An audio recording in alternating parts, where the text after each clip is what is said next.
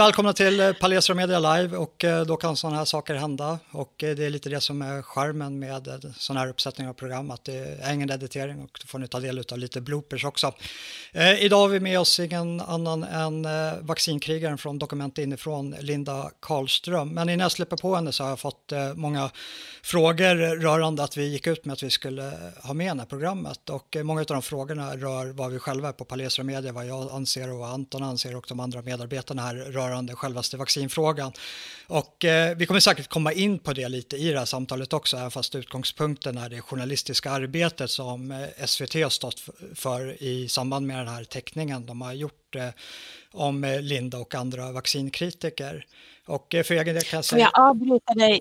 Får jag avbryta dig? Jag hör ett eko av det du säger med en ja. lång eftersläpning. Så att i, i, mina hörlurar nu så hör jag precis det, det du har sagt. Men... Jag, jag, jag, tror att har du, har du sändningen på, en, eh, på ett annat fönster så kan det bero på att den eftersläpningen...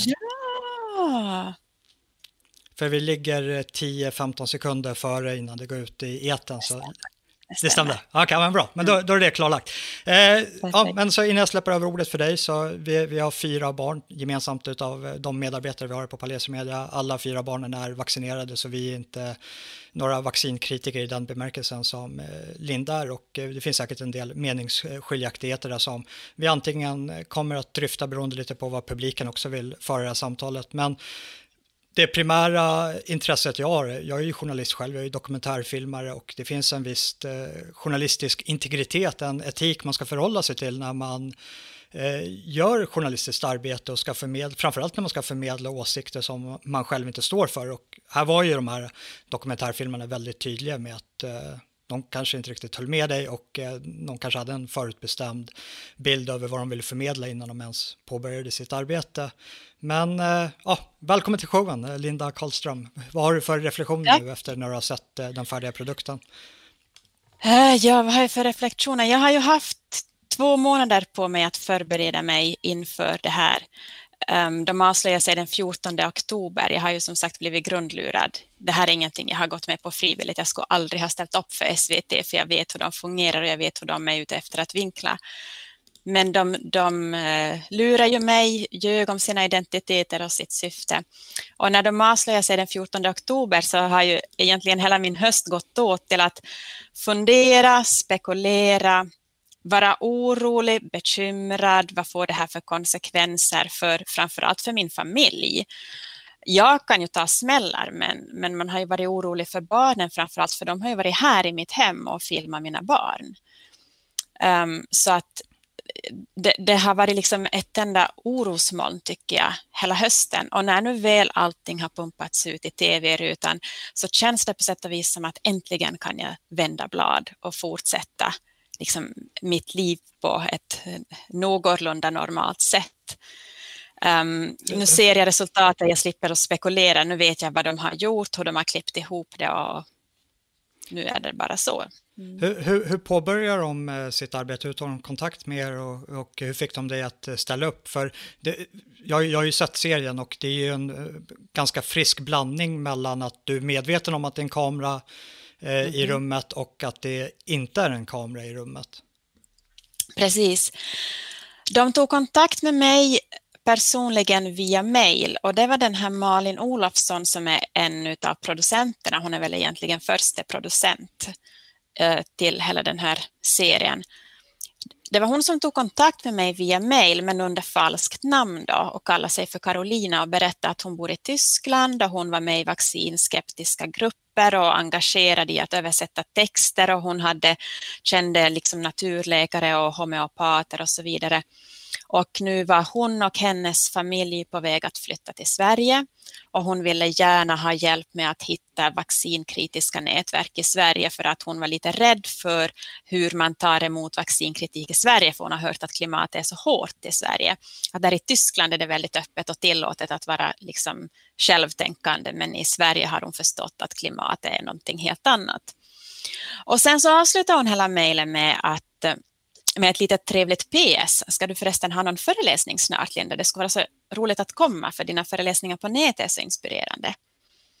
Och eh, då råkade sig så att jag faktiskt skulle ha en föreläsning i Göteborg om ett par veckor. Det här skickade hon då någon gång i mars, april 2019. Så då kom hon, hör och häpna, ända från Tyskland. Jag har ju ingen aning om om det bara var påhitt det också, men hon kom i alla fall till min föreläsning och lyssnade i Göteborg. Och där på den föreläsningen så fanns också en annan kvinna som hade kontakt med Mikael Sassio, um, som då är eh, direktör i 2000-talets vetenskap, en förening där jag själv är ordförande. Och eh, hon hade alltså kommit dit via kontakt med honom och eh, hon var med där på min föreläsning. Och efter, efter denna föreläsning så, så dröjde det ett tag, några veckor, kanske en månad eller någonting sånt, så ringde den här Emily upp mig och sa att oh, hon träffar ju denna liksom jättespännande mamma på min föreläsning. Hon som heter Carolina och kom från Tyskland. Och hon hade ju ett så spännande livsöde med det här att nu ska de flytta från Tyskland till Sverige. Och hon är orolig för det här med hur hennes vaccinkritik ska ses på. Och, och jag pratade med henne och jag som är som är journalist och, och liksom har ett eget bolag och tycker om att, och, och kristen framför allt, hon var ju väldigt kristen och engagerad i Svenska kyrkan. Hon såg nu att det här kan bli som en slags mission för henne, att hon följer Carolina i hennes jakt på eh, kunskap. Och, eh, och så gör de en dokumentärfilm om det här. Och det, de var ju då båda två vaccinkritiska och ville som följa eh, oss som vågar öppet uttala eh, vaccinkritik och, och, liksom följa med när Carolina intervjuar oss. Och jag tyckte det lät som en rolig idé, men jag frågade ju förvånat att varifrån kommer eh, finansieringen? Jag vet ju att det kostar ju väldigt mycket och jag menar när vi bor i olika länder och så där så det innebär ju resor hit och dit. Och då sa hon att hon har fått ett arv ett personligt arv.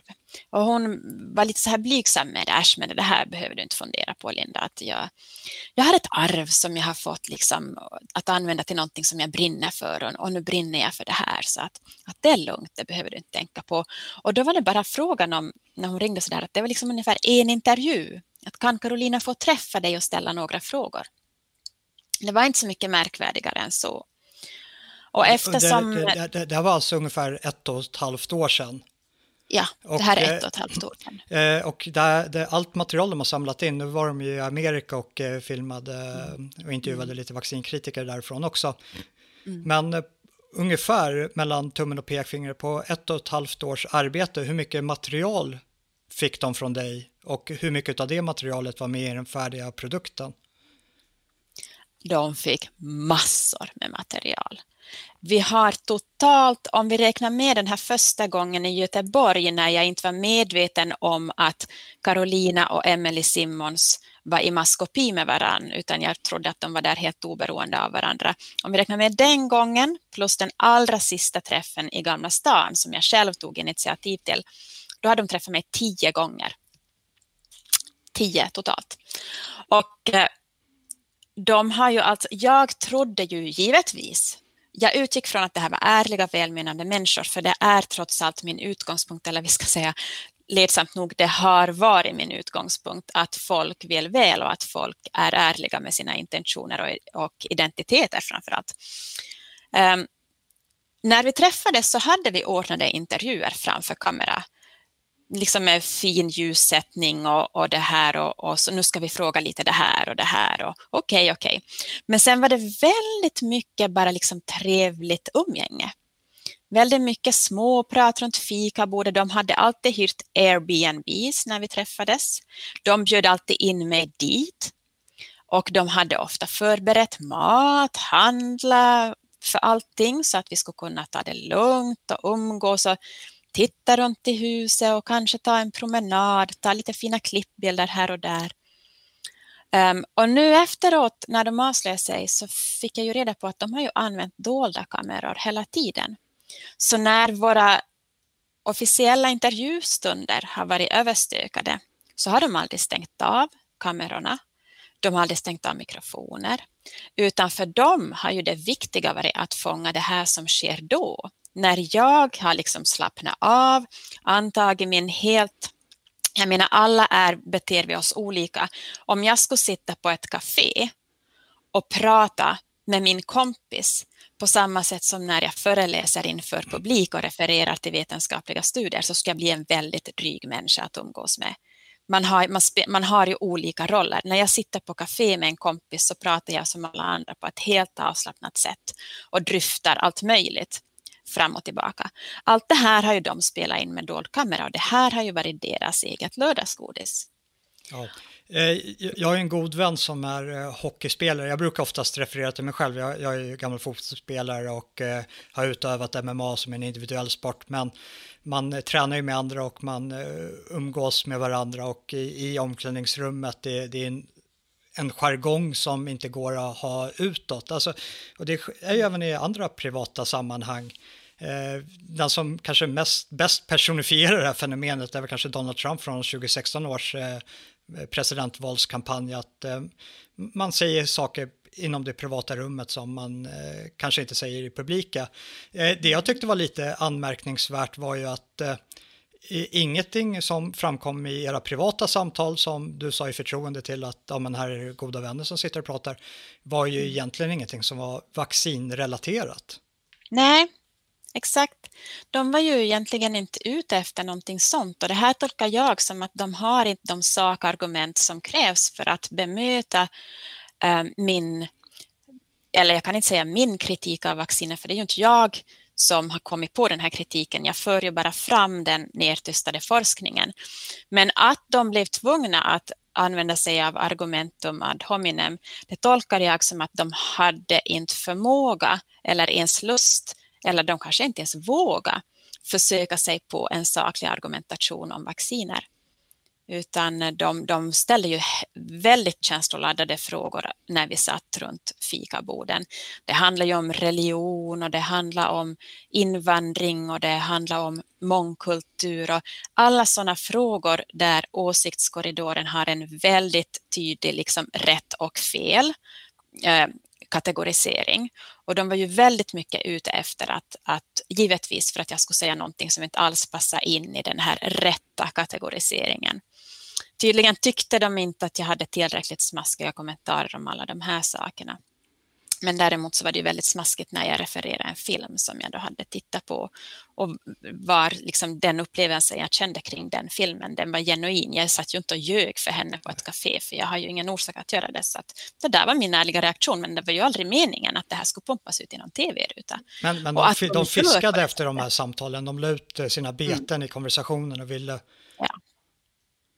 ja det, det, det finns en det. intressant eh, reflektion till det och det är ju att eh, när polisen arbetar så. Det är ju lagligt i Amerika med brottsprovokation. Mm. Men i Sverige så är det ju liksom olagligt. Men mm. på något sätt så ska det betraktas som etiskt inom journalistiken. Här. Ja, och, och det, är ju, det är ju inte bara det här som är väldigt oetiskt utan jag känner ju också med det här att de tar en sån uppenbar ställning och, så kallar de det här för någon slags grävande journalistik. Alltså grävande journalistik så borde man väl gå in med en helt liksom nollställd agenda, helt oförberedd på vad som kommer att hända. Men här har de ju gjort så att de har ju eh, krävt en till och en till och en till och en till träff med mig hela tiden. För de har uppenbarligen inte varit nöjd med allt det som de har spelat in med dold kamera. För det har inte varit tillräckligt häftigt för att försöka karaktärsmörda mig. Så att eh, tio träffar blev det som från början då hette att kunde hon få träffa dig en gång och ställa frågor. Ja. Eh, det var någon som frågade vilken film det var. Jag har för mig att du sa att det är greatest story never told. Nej, nej, det var inte den. Den har jag inte sett. Nej. Okay. Um, um, uh, det var filmen One Third, One Third of One Third of the Holocaust, tror jag den hette. Det var eh. den filmen. Och jag har, jag har inte sett hela filmen. Jag bara berättar lite åt, liksom av början till henne.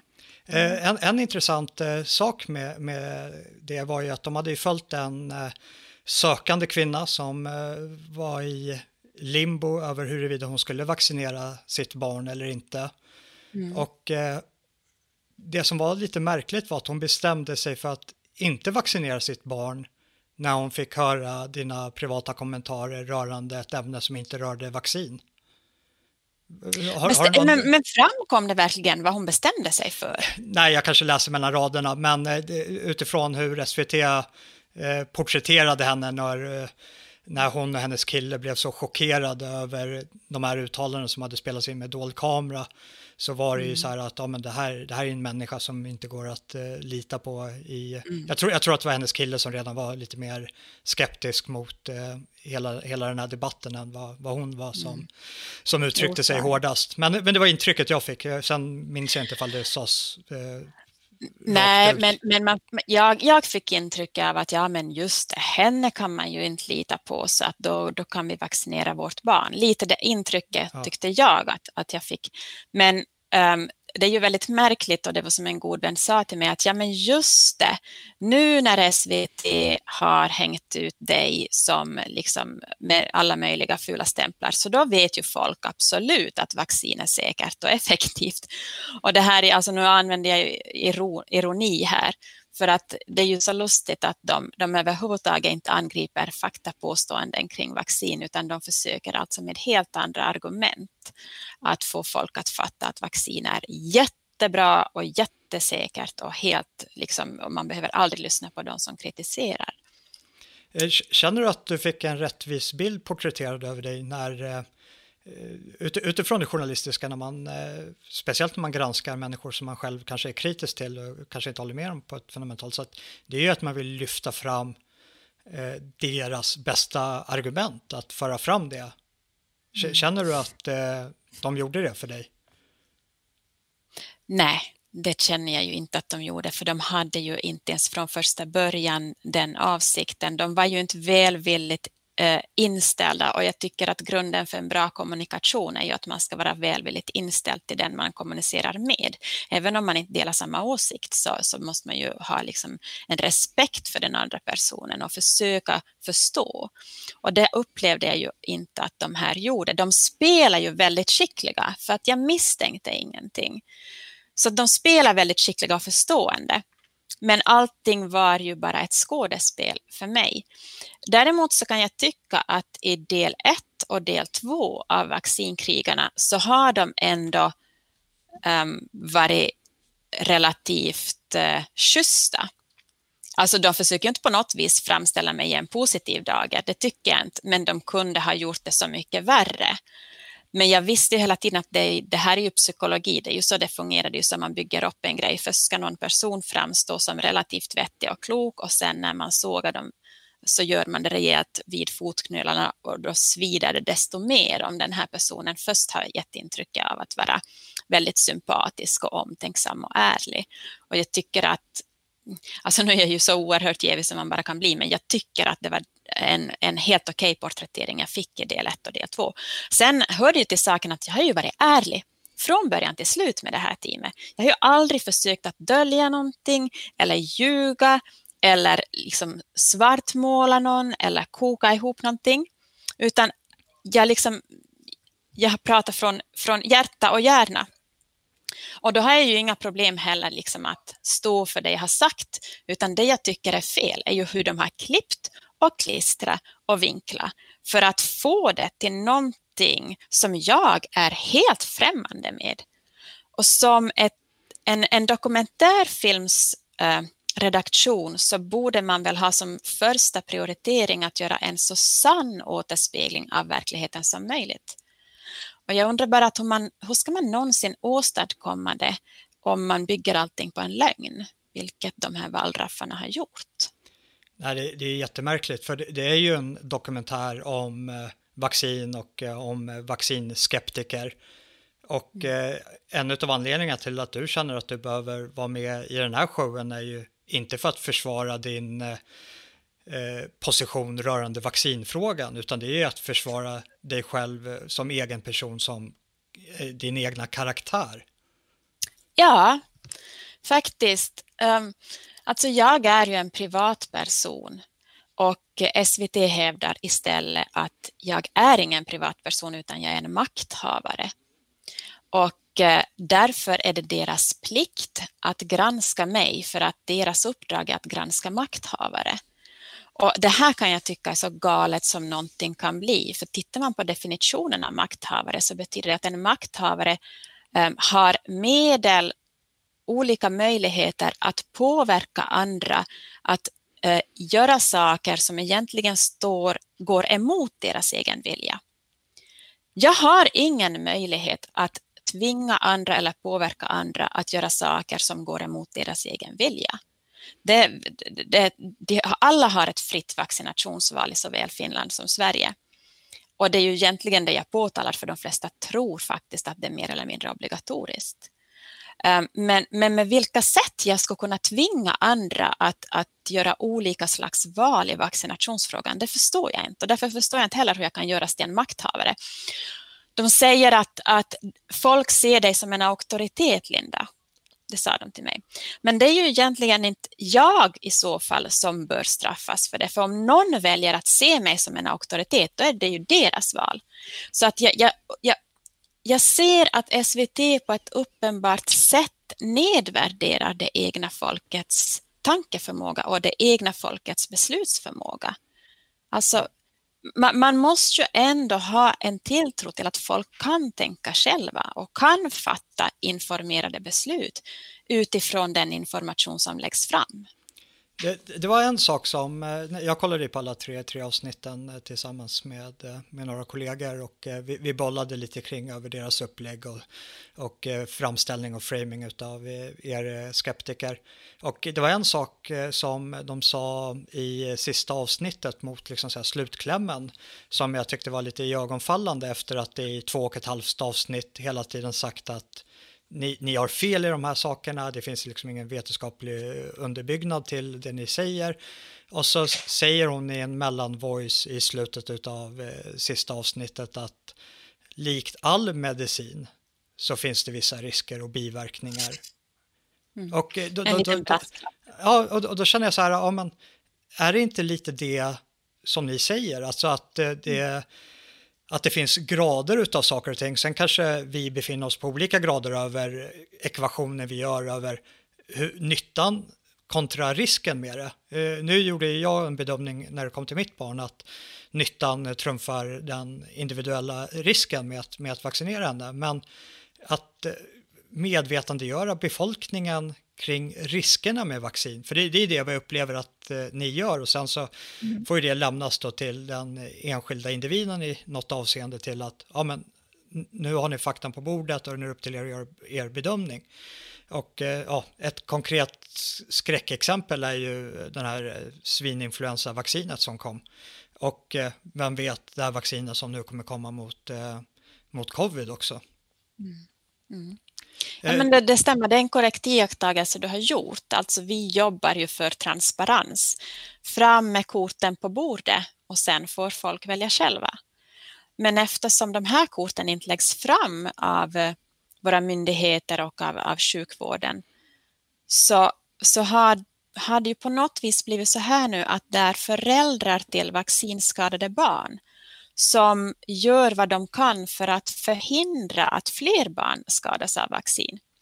Och, och även om man väljer att vaccinera, det är helt okej. Okay. Alltså, jag menar, det är helt okej okay att man väljer att vaccinera sina barn. Men det är synd om man ska behöva fatta ett sådant beslut på ett passivt sätt. Det vill säga man, man funderar inte ens på saken utan man går och vaccinerar sitt barn för att man tror att man måste vaccinera sitt barn. Sen kanske det här barnet får en biverkning och då blir man helt förfärad och tänker men varför sa ingen att det fanns risker? Sen om man är medveten om alla risker och fortfarande väljer att gå och vaccinera sitt barn, då har man ju gjort ett aktivt val som man kan stå bakom. Och det tycker jag, aktiva val här i livet, vilka frågor det än handlar om, det är ju det vi måste eftersträva. För då tar vi samtidigt ansvar för våra egna handlingar.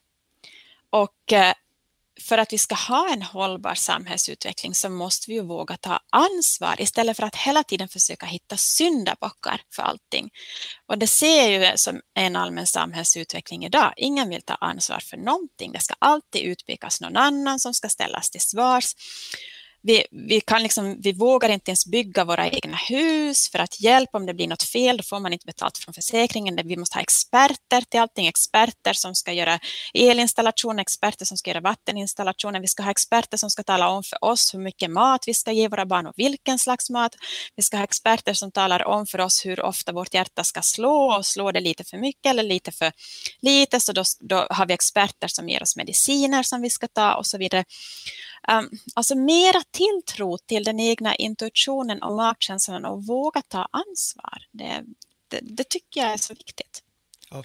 Eh, jag tänker att vi går in lite på sakfrågan, för eh, det, det är lite het stämning i kommentarsfältet. Mm -hmm. jag, jag, vill bara påminna alla om att uh, hålla en respektfull ton, även fast ni inte håller med varandra. Uh, men det, det, är några som ifrågasätter huruvida uh, du anser att virus i överhuvudtaget existerar. Det här är en jätteintressant fråga som jag har blivit uppmärksammad på nu, liksom det här senaste året egentligen. Och eh, enligt det som jag har, har kollat upp nu så har jag kunnat konstatera att det finns ju inga solklara vetenskapliga bevis på ett virus existens. Och när, när jag hörde det här första gången så blev jag alldeles chockad. Men jag har ju lärt mig att när man hör någonting som går på tvärs med den etablerade uppfattningen så ska man vara väldigt försiktig med att fördöma. Man ska vara väldigt försiktig med att, att stämpla det här som någon slags liksom, konspiration eller någon slags eh, dum i huvudet-teori. För att folk som hävdar saker som går på tvärs med etablissemanget, de blir oftast uthängda och förlöjligade och därför så måste det vara något som driver dem. Så det här med virus, när det, när det kom till mig eh, så tittade jag lite närmare på det. Och eh, jag kan fortfarande inte hitta några vetenskapliga belägg för att virus existerar i den form som man låter oss förstå att de gör. Du, du tappar mig lite, eh, för jag förstår inte. Men eh, för, vi pratar ett vanligt förkylningsvirus, mm. Eh, vad, vad är det i det som du är tveksam till existerar eller inte? För utfallet av vad, för vi använder, säger att ja, men det här är vad vi kallar virus, och sen fall det mm. kanske behöver ett annat namn, det, det vet inte jag, men det är ju att du får en effekt på det som är negativ i någon mening. Mm. Eh, oavsett om det är någon mild grad av förkylningsvirus eller om det är något extremt virus som du inte kan bli av med likt eh, HIV eller, eller annat. Eh, e-, existerar inte de här sakerna? Um, alltså, nu, nu känns det som att jag är lite för dåligt påläst i just den här frågan för att kunna ge helt tillfredsställande svar. Jag tycker inte det är så, så fiffigt att prata om saker som jag känner mig lite osäker på, utan jag vill uppmana allihopa att efterforska det här själv. Men jag har i alla fall under den här covid-19 cirkusen eh, så har jag ju kollat på en del föreläsningar med eh, virologer och immunologer och, och läkare och så vidare. Och det finns eh, ganska många som berättar om det här att våra celler har en förmåga att producera det som kallas för exosomer som vi släpper ifrån oss. Och det märkliga är att det som man hävdar att är ett virus så kan man egentligen inte skilja från de här så kallade exosomerna man kan, inte, man kan inte säga här har vi ett virus, här har vi en exosom, för de verkar vara exakt likadana. Och då uppkommer frågan, är virus hot som kommer utifrån eller är det som vi kallar för virus någonting som produceras av våra egna kroppar under vissa yttre omständigheter? Eller inre omständigheter och då menar jag med att kroppen kanske är i stress och i obalans och eh, då skapas den här sjukdomen som vissa drabbas av men andra inte drabbas av. Och det, har, det kan vi ju se när det går alla möjliga influensor, bland annat eh, den här påstådda covid-19. Det är ju inte alla som drabbas och även om vi har familjer där folk är sjuka i vanliga influensor eller spysjukan eller vad som helst så behöver ju inte alla drabbas. Så det är ju någonting i våra kroppar som gör att antingen så är vi så att säga mottagliga eller så är vi inte och det har ju att göra gissar jag, med vårt eget immunförsvar. Ja, så det är inte självaste sjukdomstillståndet som, som ifrågasätts utan det är mer nej, upp, uppkomsten nej. och upphovet till vad, vad som har föranlett det? Ja, precis.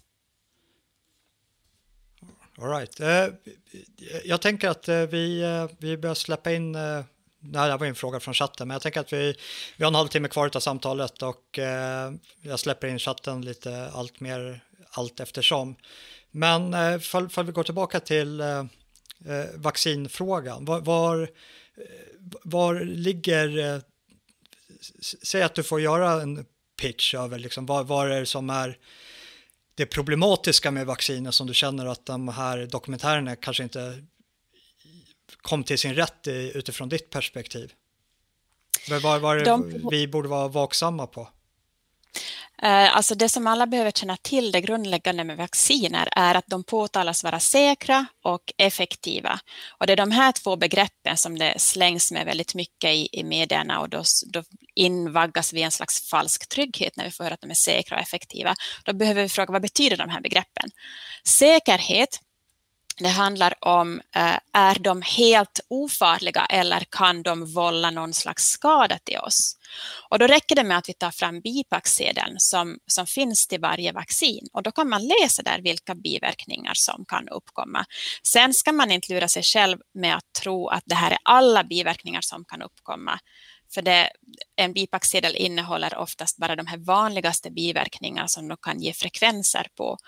Och när vacciner testas har man en väldigt liten eh, grupp som man testar vacciner på i eh, relation till hur många som sen vaccineras när vaccin är fritt. Så att det, det, är säkerheten. Sen har vi effektiviteten och det handlar om hur väl ett vaccin skyddar mot en sjukdom. Och eh, hur tar man då reda på det här? Det tar man egentligen inte reda på för att för att man ska kunna ta reda på det så borde man ha en grupp som är vaccinerad och en som är helt ovaccinerad och sen utsätta dem för en systematisk smitta av ett visst slag för att konstatera hur många blir smittade och hur många blir inte. Det här gör man ju inte av etiska skäl och det är ju helt förståeligt. Men äh, det som är äh, väldigt talande är att, är att när vi har haft konstaterade epidemier av diverse sjukdomar så finns det folk som kan gå omkring och ha ett lågt antal antikroppar i blodet och fortfarande så är de friska, de blir inte smittade. Medan folk som har uppmätt väldigt högt antal antikroppar i sitt blod, de blir ändå sjuka i den sjukdom som de har antikroppar mot. Och det är ju det här som avses med ett vaccins effektivitet. Det vill säga man har konstaterat att antikroppsantalet i mottagarens kropp ökar. Men om det sen visar sig under en pågående epidemi att det här inte spelar så stor roll vad man har för, för nivå av antikroppar, då kan man ju inte heller påstå att ett vaccin är effektivt mot en sjukdom. Ett vaccin kan däremot vara effektivt i att höja antalet antikroppar, men huruvida det här utgör ett skydd, det är ju en helt annan fråga. Ja. Och det här men, låter man bli att undersöka. Finns det något vaccin du finner eh, accepterat? Eller eh, Nej, alltså jag har inte hittat något sådant vaccin än. För jag har inte hittat något vaccin som har genomgått dubbelblinda placebokontrollerade prövningar. Ja. Och det är alltså ett krav på alla andra läkemedel, men det behövs inte på vacciner. De är fråntagna det här kravet. Så nu, nu tror jag att det framkom att eh, du har ju ett antal barn och jag eh, tror mm. det framkom i dokumentären att några av dem är vaccinerade mm. och några inte. Det beror säkert på, på din resas gång. Eh, mm. och eh, nu, nu är inte jag involverad i några mammagrupper, det är ju min, eh, min, eh, min kära fru, eh, fru eller på att säga, vi är inte gifta än, men eh, som eh, har tagit det ansvaret och eh, jag får ju höra lite hur eh, jargongen är där och hur samtalet förs. Nu är ju vårt barn vaccinerat så det är ingenting som har riktats åt vårt håll, men eh, ett vanligt eh, argument från de här grupperna, eller kanske bredare i samhället också, är ju att det finns ju en risk med, eh, ja men som de säger i dokumentären också, att det finns en risk med varje medicin du tar i form av biverkningar i varierande utsträckning. Men eh, nu blir det något så här, kanske så här rättviseargument för om eh, våra barn är vaccinerade och ett annat barn inte är det, ja det barnet riskerar ju inte att smitta vårt barn för vårt barn är vaccinerat mot den skadan. Men däremot så erhåller det barnet skydd utav de barn som är vaccinerade i form av att eh, sjukdomen inte kan spridas på samma sätt på grund av att det finns barriärer inom befolkningen, en del av befolkningen som har tagit den risken som kommer med att ta vaccinsprutan och eh, förtjänsten då bärs av de som inte tar risken. Har du någon eh, förståelse eller någon reflektion på den formen av argumentation? Ja, absolut. Det här är ju en väldigt vanlig eh, argumentation och det är ju ofta den man spelar på för det här inkluderar ju den här känslan av solidaritet och, och liksom att man är osolidarisk då om man inte vaccinerar sitt barn. Och det du pratar om det är det som benämns flockimmunitet. Um, och då hävdar man alltså att om ett visst antal barn eller en, ett visst procent antal i en population är vaccinerat så kan inte här, den här sjukdomen cirkulera fritt och då blir även de ovaccinerade skyddade mot sjukdomen. Eh, det här har man ju undersökt med hjälp av att eh, av att iaktta verkliga epidemier av verkliga sjukdomar. Man gjorde en sån här undersökning om inte minns fel så var det på 30-talet i Baltimore när man ville undersöka mässlingen. Hur stor procent behövde ha genomgått mässlingen för att det skulle sluta cirkulera i samhället? Och då kom det här magiska gränsen vid, om inte jag minns helt fel nu så är det 68 procent. Där fanns den magiska gränsen. När 68 procent hade blivit infekterade med mässling så då slutade mässlings viruset som vi ju kallar det då än så länge, även om man aldrig har kunnat påvisa ett mässlingsvirus existens. Men då slutar alltså mässlingen att, att cirkulera. Men någonstans under resans gång så har man påstått då att den här siffran, eller den, den har bara ändrat utan några vetenskapliga studier, så har den ändrat till cirka 95 procent. Det är ju det vi får höra idag. Att åh, sjunker vaccinationsgraden under 95 procent så har vi ingen flockimmunitet. Det är det första problemet. Varifrån dök 95 procent upp från att det ändå har visat 68 procent när man har, har undersökt verkliga sjukdomsutbrott. Den andra frågan som man, och det, som man hela tiden behöver tänka på är att en vaccination är icke jämförbar med en naturligt genomgången sjukdom. För att har man genomgått eh, sjukdomen naturligt, då har man oftast ett livslångt, eh, en livslång immunitet. Det får man aldrig per vaccination. Det, det, man har aldrig lyckats med något sådant uppdrag. Och det, det som vaccinet åstadkommer är att det höjer antalet antikroppar och sen så sjunker de sakta tillbaks igen och oftast så är det här påstådda antikroppsskyddet borta redan inom fem år. Så att den här, den här flockimmuniteten per vaccination, det är egentligen bara en illusion som vi har. Ja. Eh, jag fick en fråga av eh, Ingrid Karlqvist från showen mm. Ingrid och eh, Maria. Hon undrar vilka, vilka vacciner mitt, mitt barn har tagit och det, det finns ju en uppsjö med vacciner. Nu tog vi eh, vi, vi, hade en, vi förde en dialog eh, inom familjen över vilka vi anser är lämpliga att ta och eh, då kom vi fram till beslutet att ja, men de vacciner som har klarat tidens tand eh, var de vacciner som, som vi tog. Så vi, vi tackade nej till två vacciner. Nu minns jag inte vilka två, två, två det var, men anledningen till att vi tackade nej till dem var för att den ena för att vi ansåg att sjukdomstillståndet inte var speciellt farligt. Eh, jag kommer inte ihåg om det var någon form av eh, mag... Det var rotavirus säkert, magsjuka. Ja, ja magsjukan precis. Det mm, ansåg vi att rotavirus. Mm. magsjukan kan vara lika farlig som, som vaccinet i sig självt. Och det, det, andra var något vaccin som var så pass nytt så att vi ansåg inte att det, det, det har liksom testats av befolkningen tyvärr. För det, är ju så vacciner får, får testas. Och utav samma anledning så kommer inte någon, i, vare sig jag, mig själv eller jag tog inte svininfluensavaccinet, skulle, skulle aldrig falla mig in att göra. Och eh, på, utav samma anledning så kommer jag inte ta det här covid-vaccinet heller och ingen i, i, min familj heller just på grund av att det, det finns en... Eh, jag sätter emot eh, sjukdomen.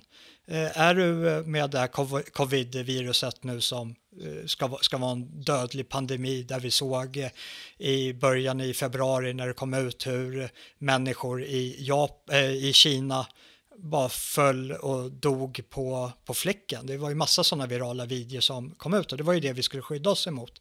Och eh, det vi har med facit i hand är en sjukdom som eh, slår eh, mot vissa äldre, men är du en ung frisk människa under 50 så är det ju det, det, är ingen fara för din, för din hälsa.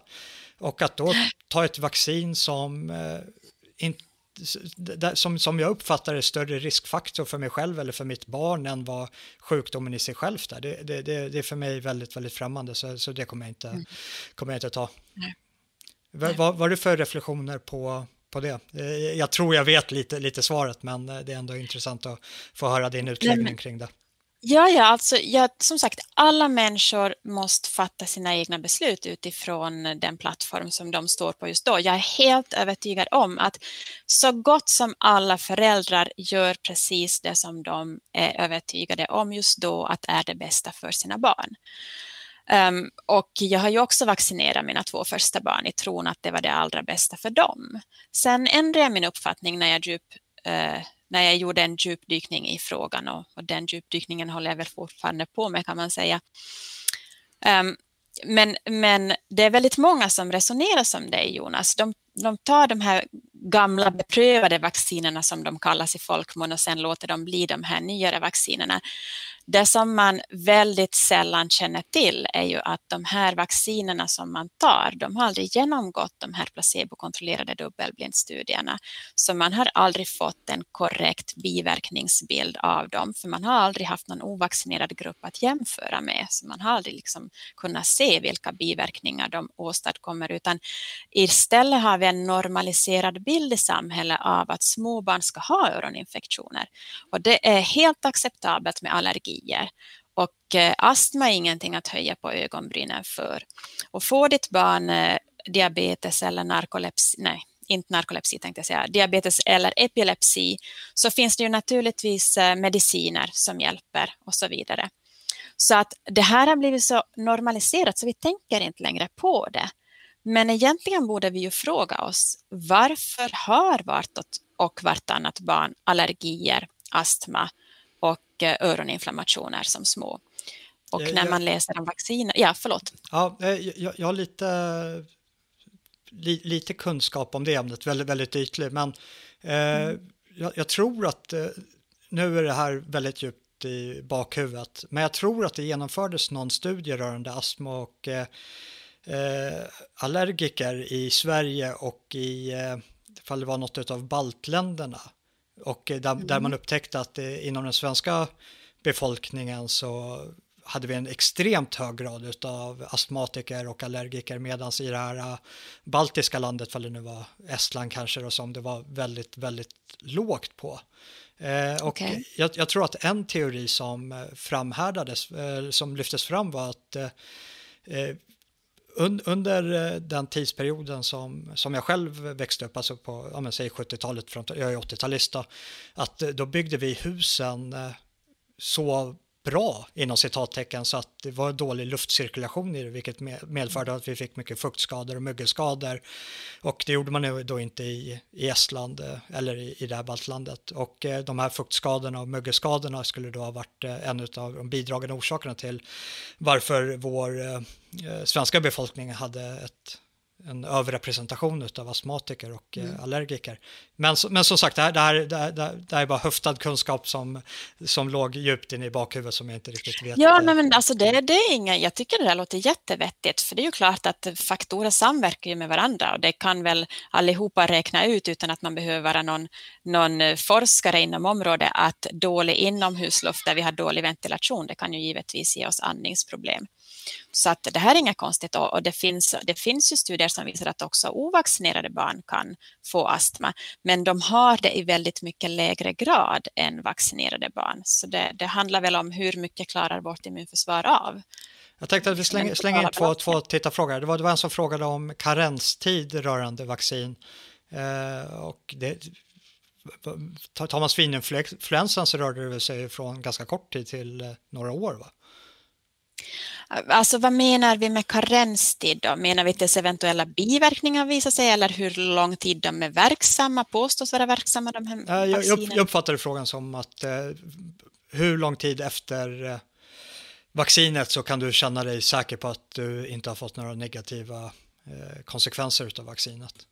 Ah, Okej. Okay. Eh, det finns många som har ställt sig den frågan och eh, många hävdar att vi kan aldrig någonsin egentligen vara säkra på att oh, jag klarar mig. Um, utan jag kan ju ta som exempel uh, min egen dotter. Det tog två hela år innan hennes biverkning uppdagades och det här blir ju då en konstaterad och dokumenterad vaccinskada som vi också fick en liten, liten uh, skadeersättning för. Men är, är det där det blir också väldigt problematiskt rörande effekt och utfall. Att, att det kan vara så lång tid, mm. vilket gör att ja, berodde det här på vaccinet eller berodde det på några mm. andra omständigheter? Precis, och där, där, där slår du huvudet på spiken eller hur man nu brukar säga.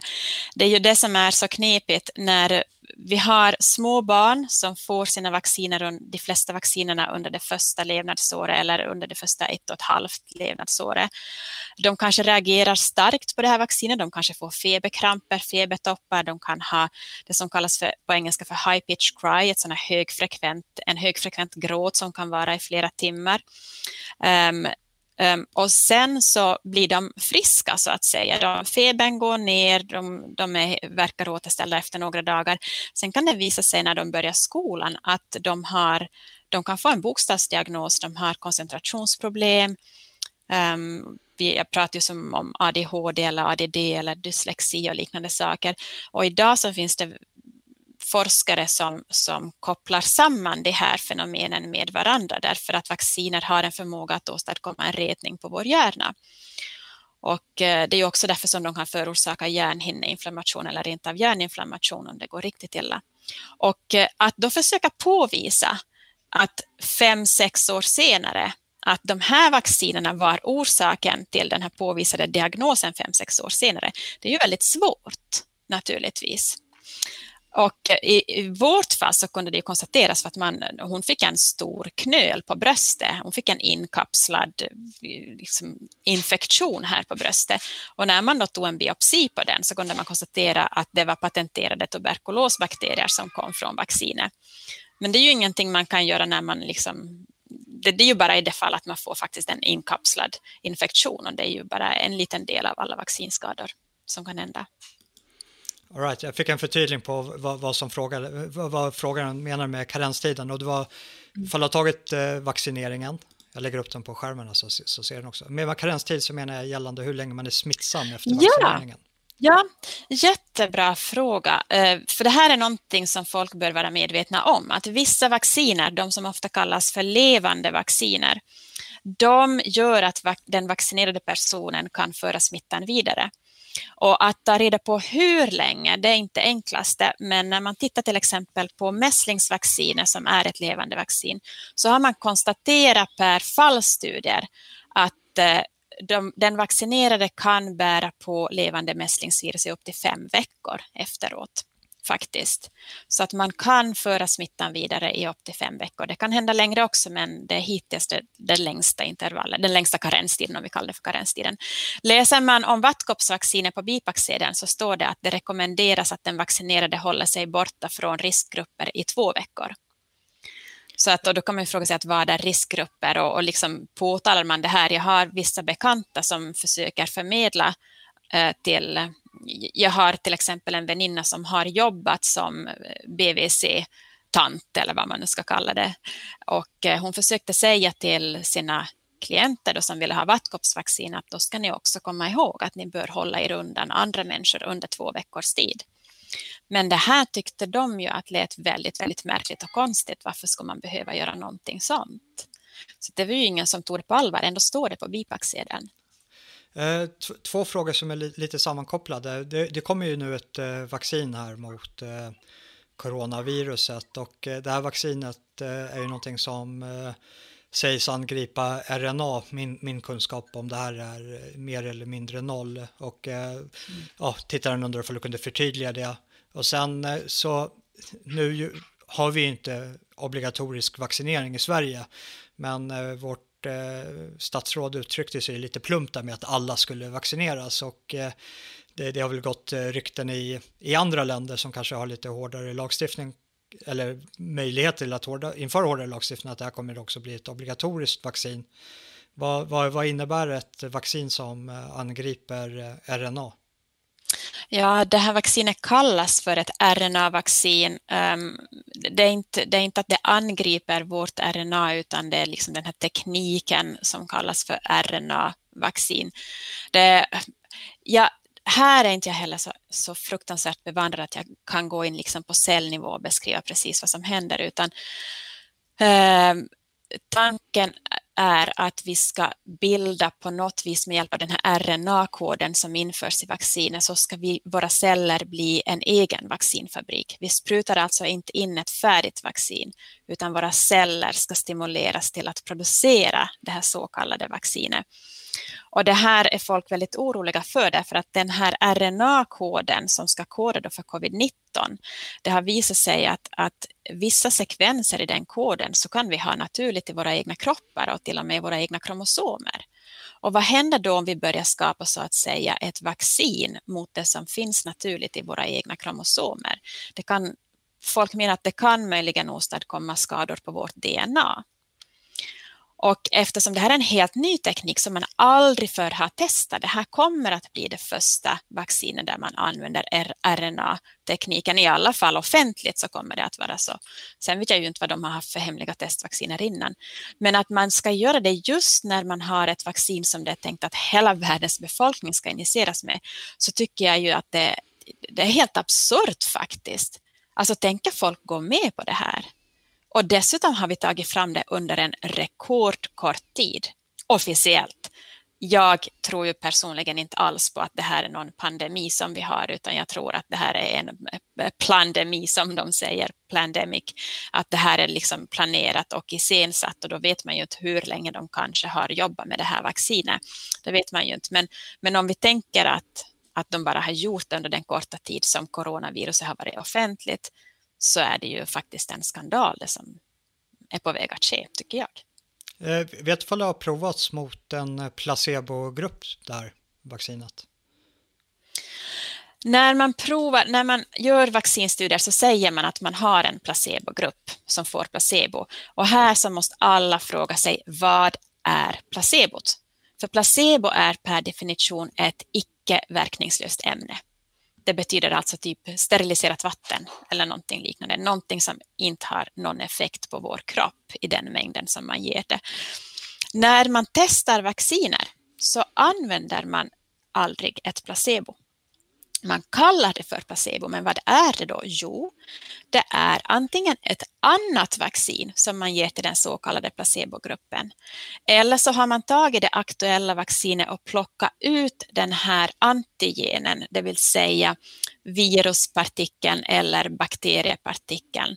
Och så ger man resten av cocktailen som ett placebo, det vill säga där ingår oftast aluminium, det kan vara formaldehyd, det kan vara någon, någon slags antibiotikum och så vidare. Så vi har ju fortfarande kvar en kroppsfrämmande giftcocktail som vi sprutar in och så kallar vi det för placebo. Och sen så jämför vi biverkningarna mellan vaccingruppen och placebogruppen. Och så konstaterar vi att nej, men de har fått precis lika mycket ehm, vad ska vi säga, öroninflammationer och eh, luftvägsinfektioner och eh, eh, problem med lederna i placebogruppen som de har fått i vaccingruppen. Alltså har det ingenting med vaccinet att göra. Man låter bara, men, men man jämför det aldrig med någon grupp som får ett genuint placebo. Och det här är ju den stora problematiken. Det är ju därför vi har en helt skev uppfattning om att vacciner är säkra. Eh, och det var det här som eh, du menar på var, fanns en eh, forskningslucka, att det, det, inte riktigt finns några riktiga vetenskapliga studier som är genomförda på, mm. på just mm. det här området. Så det, mm. så det är svårt att uttala sig åt ena eller andra hållet där. Nej, alltså vi kan bara konstatera att vi har inga placebokontrollerade dubbelblindstudier som är gjorda på vacciner. Jag, jag, tänkte på det här uh, coronavaccinet också. Uh, det, det, det, känns ju lite extra intressant just på grund av att det är så aktuellt. Uh, och om man pratar om biverkningar från andra vacciner, mm. nu kanske inte de här riktigt grova formerna av narkolepsi, utan, men de flesta biverkningarna går att hantera i form av att du får medicin. Alltså, det, mm. det, är, det är ingenting som är optimalt att först få ett medicin i form av ett vaccin och sen så måste man medicinera, medicinera sig för sina biverkningar kring det. Men det, det är ganska mm. vanligt inom läkarvården i andra aspekter också, att du får en sjukdom, du får medicin mot den sjukdomen och sen får du en till uppsättning medicin för att hantera biverkningarna Biverkning. för den första mm. medicinen. Det, det i sig mm. självt är ingenting nytt eller liksom revolutionerande i liksom kunskapsläget. Det, det, det, är någonting vi vet om och det är förskräckligt att det är så. Mm. Men hur, vad är det som händer ifall det är så att eh, biverkningen sätter sig i, i vår DNA? Alltså, Alltså det är ju någonting som inte jag kan svara på, det tror jag ingen kan svara på. För vi har ju egentligen inte haft vacciner som har varit uttalade på det sättet att de kan påverka vårt DNA. Sen är det, finns det ju forskare som menar att, att vacciner har möjligheten att påverka vårt DNA och har alltid haft det också. Det, jag kan inte uttala mig så mycket om den saken, men, men vi vet i alla fall att nu har vi ett vaccin på kommande där det här är en orosfaktor. Så vi får ju bara se vad som händer. Men jag tycker det är så fruktansvärt att eh, ehm, man har piskat upp en sån rädsla hos folket för någonting som inte har gett några ovanliga dödssiffror eller, eller inläggningssiffror på sjukhus. Jämför man från tidigare år så är vi liksom, alltså Sverige, det, det, det är ingen fara, det, det följer normalen. Eh, jag, jag, såg att eh, överdödligheten för eh, november månad, nu, nu kommer jag inte ihåg exakta källan vart ni hittar det, men ni, ni, ni, kan säkert googla runt och, och, finna det själva. Men det var att november månad 2020 eh, inte stack ut speciellt mycket från tidigare år och jag tror att bara under, de, under 2000-talet, alltså de här två decennierna vi har levt i det nya millenniet, så faller 2020 på plats nummer tre. Att det är 2002 som var ett tungt säsongsinfluensaår och det var 2010 mm. som också var det, som det var fler som dog under november månad.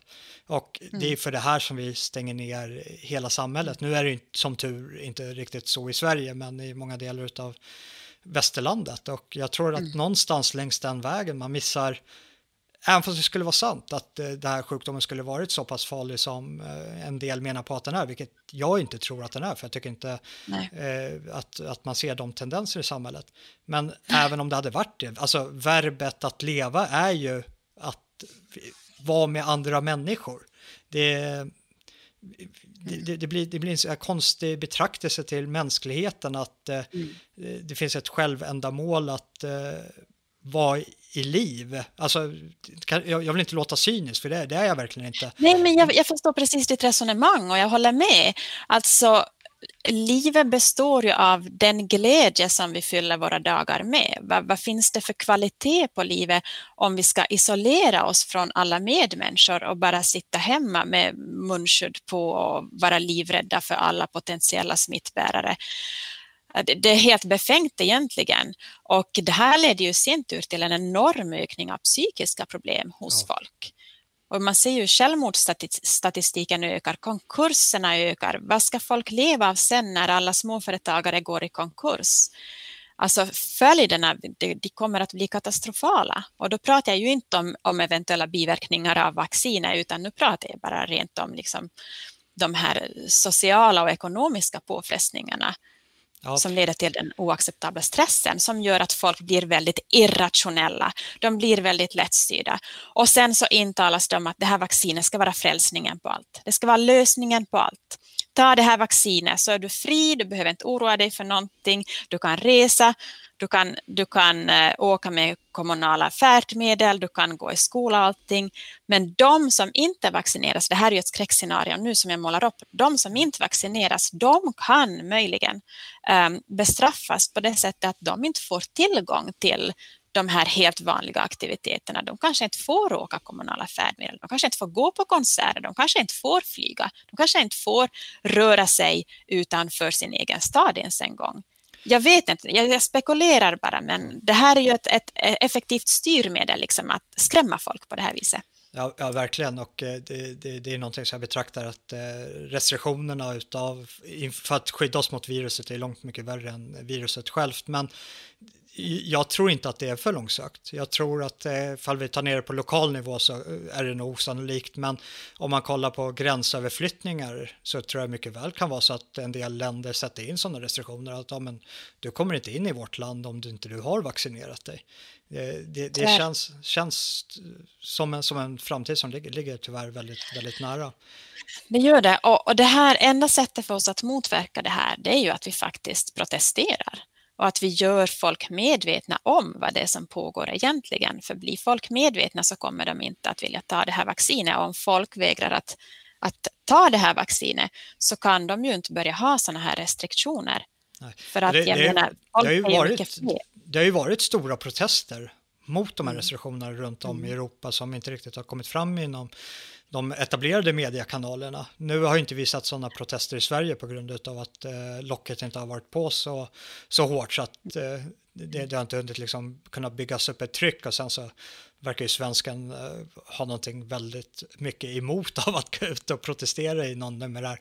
Men eh, det, det var ju eh, många hundratusen i Tyskland och i Storbritannien som har varit ute och protesterat just mot de här restriktionerna. Ja, det stämmer.